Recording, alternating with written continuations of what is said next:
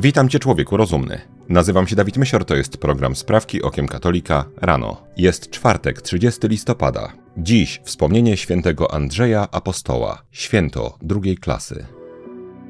Wszystkie sprawy nasze prosimy Cię, Panie, natchnieniem Twoim uprzedzaj, a pomocą wspieraj. Aby wszelka modlitwa i praca nasza od Ciebie się poczynała i przez Ciebie się kończyła. Przez Chrystusa, Pana naszego. Amen. Wielka Brytania. Uwaga, uwaga! Brytyjskie Muzeum uznało rzymskiego cesarza Heliogabala za osobę transpłciową. Współczesna moda, żeby nie powiedzieć szajba, na określanie swoich preferowanych zaimków, teraz dotknęła człowieka nieżyjącego od 1800 lat. W brytyjskim muzeum władca będzie przedstawiany zaimkami ona, jej, a wszystkie eksponaty, jak na przykład moneta z jego wizerunkiem, będą mówiły o władczyni Rzymu. Zdaniem placówki uzasadnienie tej decyzji znajduje się w relacji rzymskiego kronikarza Cassiusza Diona, który stwierdził, że Heliogabal był nazywany żoną, kochanką i królową. Historycy mają jednak wątpliwości. Kronikarz ten bowiem służył cesarzowi Aleksandrowi Sewerowi, który objął tron po zamordowaniu Heliogabala. W związku z tym wzmianki o kobiecości mogły mieć za zadanie zniszczenie jego reputacji. Jak komentuje profesor Andrew Wallace Hadrill, ekspert od starożytności z Uniwersytetu w Cambridge, dla Rzymian określenie, że mężczyzna zachowuje się w łóżku jak kobieta, było jedną z najgorszych obelg. Heliogabal wstąpił na tron w roku 218. Słynął z okrucieństwa oraz seksualnych dewiacji. Propagatorzy chorych ideologii wiedzą doskonale, że cała historia pokryta jest patyną historycznych mitów, tworzonych zawsze w konkretnych celach polityczno-ideologicznych. Widać teraz doszli do wniosku, że fałszowanie może dotyczyć również wydarzeń sprzed prawie dwóch tysięcy lat. Rumunia. W ubiegły czwartek lewicowy premier Rumunii, pan Marcel Ciolaku, stwierdził, że rumuńskie społeczeństwo nie jest gotowe na uznanie związków homoseksualnych, a sama sprawa na ten moment nie jest dla niego priorytetem.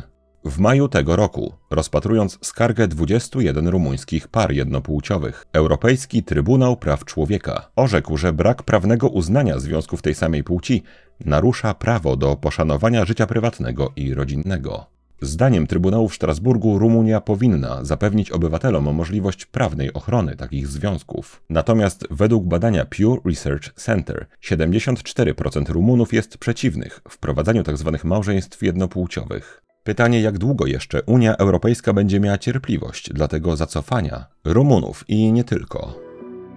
Trzecia sprawka to krótka żywotów świętych, dawka.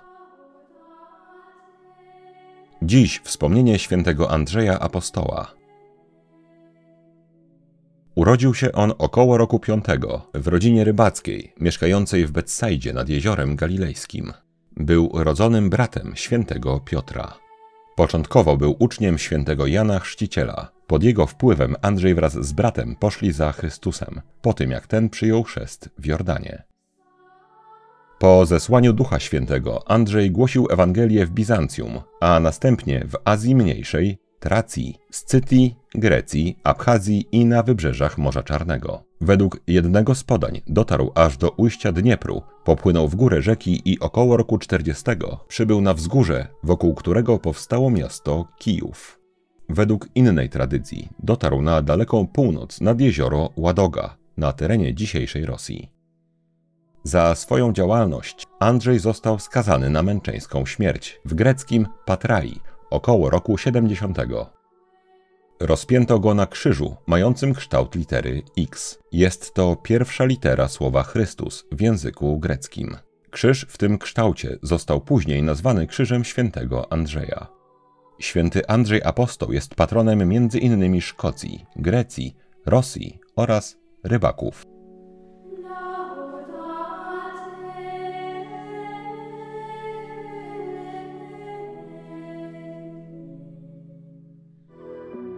Watykan. Papież Franciszek wyraził swoje zaniepokojenie działaniami niemieckich biskupów w ramach tzw. Tak drogi synodalnej. Napisany po niemiecku na maszynie i podpisany przez papieża Franciszka list został 21 listopada w całości opublikowany przez niemiecką gazetę Die Welt. List był odpowiedzią na pismo czterech kobiet, które 6 listopada zwróciły się do papieża, wyrażając swoje wątpliwości i obawy co do niemieckiej drogi synodalnej.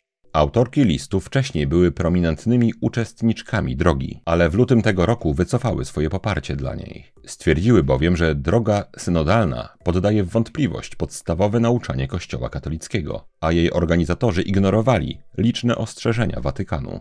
W liście podpisanym przez papieża czytamy: ja również popieram to zaniepokojenie licznymi konkretnymi krokami, które są obecnie podejmowane przez dużą część tego lokalnego kościoła, a które grożą coraz większym oddaleniem się od wspólnej drogi kościoła powszechnego. Zamiast szukać zbawienia w coraz to nowych ciałach i omawiać w kółko te same tematy, chciałem przypomnieć o potrzebie modlitwy, pokuty i adoracji. Holandia 22 listopada w Holandii odbyły się wybory parlamentarne. Wygrała je liberalna, aczkolwiek eurosceptyczna i antyimigracyjna Partia Wolności pana Herta Wildersa, która zdobyła 23,6% poparcia, co przełożyło się na 37 miejsc w 150-osobowym parlamencie.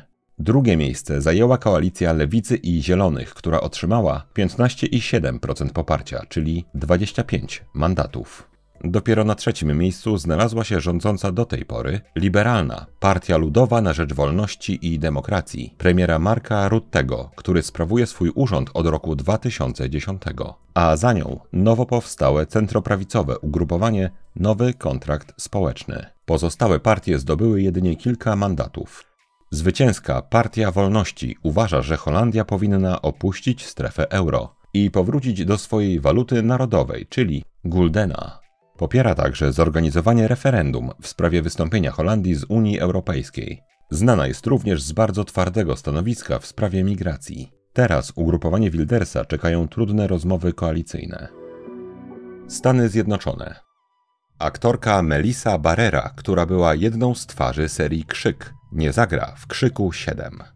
Taką decyzję bez konsultacji z twórcami podjęła wytwórnia Spyglass. Nie przeszkodził jej fakt, że zwolnienie aktorki wiąże się z poważnymi zmianami w scenariuszu. Powodem były wyrażane w mediach społecznościowych opinie pani Barery na temat polityki państwa położonego w Palestynie. W jednym z jej wpisów czytamy: Gaza jest obecnie obozem koncentracyjnym. Ściśnięto wszystkich bez drogi ucieczki, bez elektryczności, bez wody. Historia niczego ich nie nauczyła. I podobnie jak wcześniej, ludzie przyglądają się temu w milczeniu. To jest ludobójstwo i czystka etniczna. W reakcji na to studio Spyglass wydało następujące oświadczenie. Nasze stanowisko jest jasne: zero tolerancji dla antysemityzmu oraz dla podżegania do nienawiści w jakiejkolwiek formie. Dotyczy to także fałszywych odniesień do ludobójstwa, czystek etnicznych, wypaczenia Holokaustu oraz wszystkich innych stwierdzeń, które w rażący sposób stanowią mowę nienawiści. Siódma sprawka to krótka katechizmu, dawka.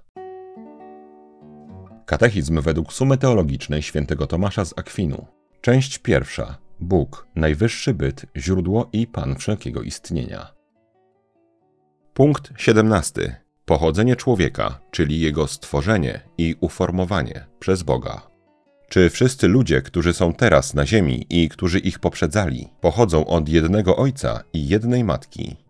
Tak, wszyscy ludzie, którzy są teraz na ziemi i którzy ich poprzedzali, pochodzą od jednego ojca i jednej matki. Jak nazywają się pierwszy mężczyzna i pierwsza kobieta, od których pochodzą wszyscy ludzie? Nazywają się Adam i Ewa. Kto był stwórcą Adama i Ewy?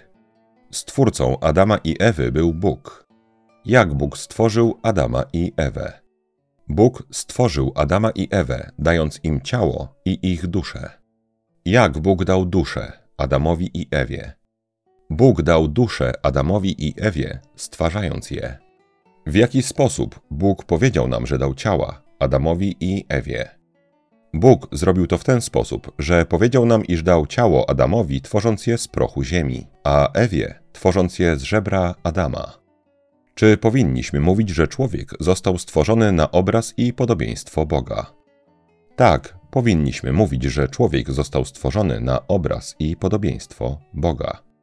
Co mamy na myśli, mówiąc, że człowiek został stworzony na obraz i podobieństwo Boga? Mamy na myśli to, że Bóg dał człowiekowi naturę i możliwość działania, które dzięki temu, co jest w nich najdoskonalsze, pozwalają nam dotrzeć do tego, czym jest Bóg w jego naturze duchowej i życiu wewnętrznym trzech osób, a także naśladować doskonałość, która jest właściwa osobom boskim. W jaki sposób natura i możliwość działania, dzięki temu, co jest w nich najdoskonalsze, pozwalają nam dotrzeć do tego, czym jest Bóg w jego naturze duchowej i życiu wewnętrznym trzech osób. W ten sposób, że nasza dusza w jej części najwyższej ma naturę duchową, a działanie jej najwyższej natury, czyli myślenie i kochanie, kierują się do pierwszej prawdy i pierwszego dobra, którymi jest Bóg. W jaki sposób dzięki poznawaniu i miłości możemy dotrzeć do życia wewnętrznego trzech osób Trójcy Świętej? W ten sposób, że nasz duch, gdy myśli o Bogu, tworzy słowo wewnętrzne, w którym odnajduje swój przedmiot, a które pod wpływem tej myśli tworzącej słowo powoduje akt kochania skierowany na ten stworzony przez ducha przedmiot. W jaki sposób możemy naśladować doskonałość właściwą osobom boskim? Możemy naśladować doskonałość właściwą osobom boskim, robiąc tak, jak to czyni sam Bóg, czyli czyniąc z Boga, o którym się myśli i którego się kocha w duchu, pierwszy i ostatni przedmiot swojego myślenia i kochania. Czy w świecie cielesnym tylko człowiek został stworzony na obraz i podobieństwo Boga? Tak, w świecie cielesnym tylko człowiek został stworzony na obraz i podobieństwo Boga, a to ze względu na swoją naturę duchową czy inne stworzenia ze świata cielesnego. Nie zachowały jednak czegoś ze swojego Boga Stworzyciela. Tak, także inne stworzenia ze świata cielesnego zachowały coś ze swojego Boga Stworzyciela, a to ze względu na doskonałości niższego rzędu, które w nich się znajdują. Punkt 18. Stan szczęśliwości, w którym został stworzony człowiek. Od tego miejsca zaczniemy jutro.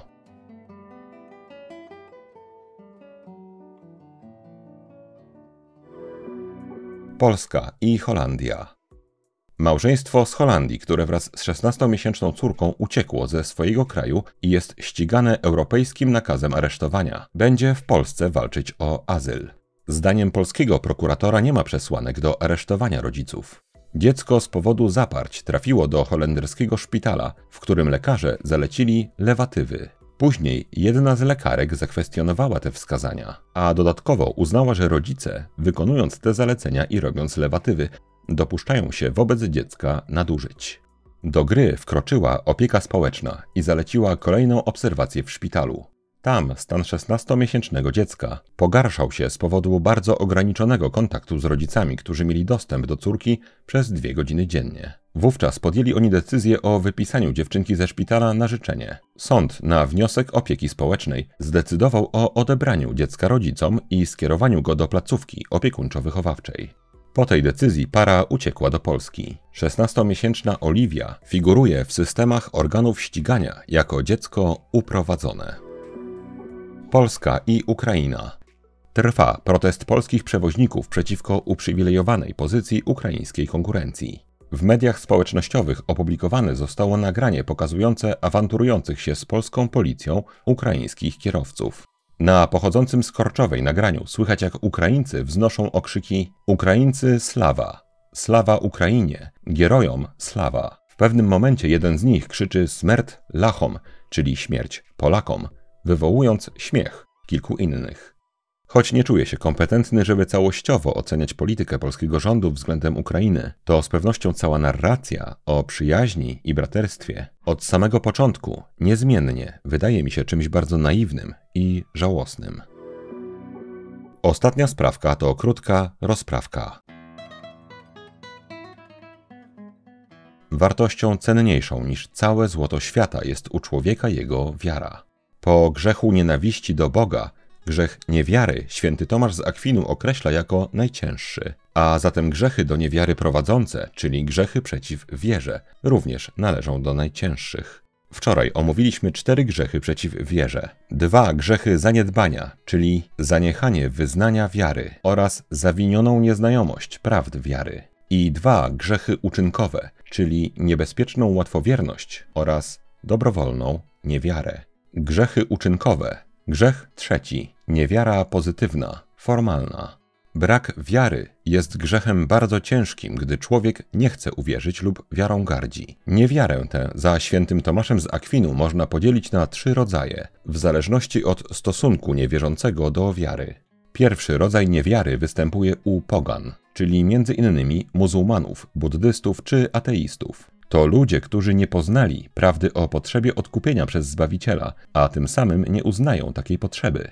Drugi rodzaj niewiary jest u Żydów, którzy przez Stary Testament poznali prawdę o potrzebie odkupienia przez Zbawiciela, ale pomimo licznych wskazań Starego Testamentu, dzięki którym mogli poznać tego Zbawiciela w Chrystusie, odrzucili go. Trzeci rodzaj niewiary jest u heretyków, którzy uznają, że odkupicielem jest Chrystus, ale zmieniają jego naukę, przekazywaną przez jedyny prawdziwy Kościół, czyli Kościół katolicki. Mówiąc o niewierze, warto wspomnieć, że przed Soborem Watykańskim II nauczano zawsze, że grzechem przeciw wierze jest obojętność, polegająca na, uwaga, uważaniu każdej religii za dobrą. Grzechy uczynkowe, grzech czwarty, wątpienie w wierze. Wątpliwości wierze mogą, ale nie muszą być grzechem przeciw wierze, czyli grzechem ciężkim. Gdy człowiek wątpi w którąkolwiek prawdę objawioną, podaną do wierzenia przez Kościół katolicki, zwątpienie to jest grzechem ciężkim. Gdy człowiek ma trudności i pokusy przeciw wierze, stopień grzechu zależy od gorliwości w zwalczaniu tych wątpliwości. Jeżeli zwalcza wątpliwości energicznie, są wtedy grzechem lekkim. Grzechy uczynkowe, grzech piąty, herezja.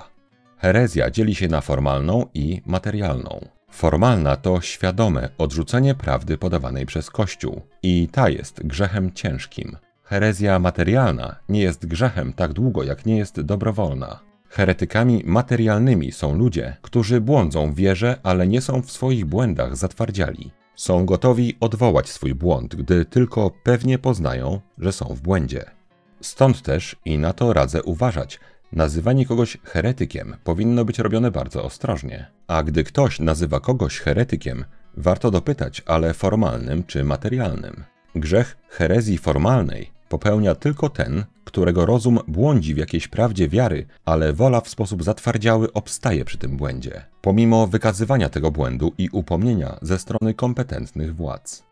Należy więc pamiętać, że nawet jeżeli obiektywnie wykaże się komuś herezję, nawet najwyższym hierarchom, nie oznacza to koniecznie, że popełniają oni subiektywnie grzech herezji formalnej. Grzechy uczynkowe, grzech szósty, apostazja.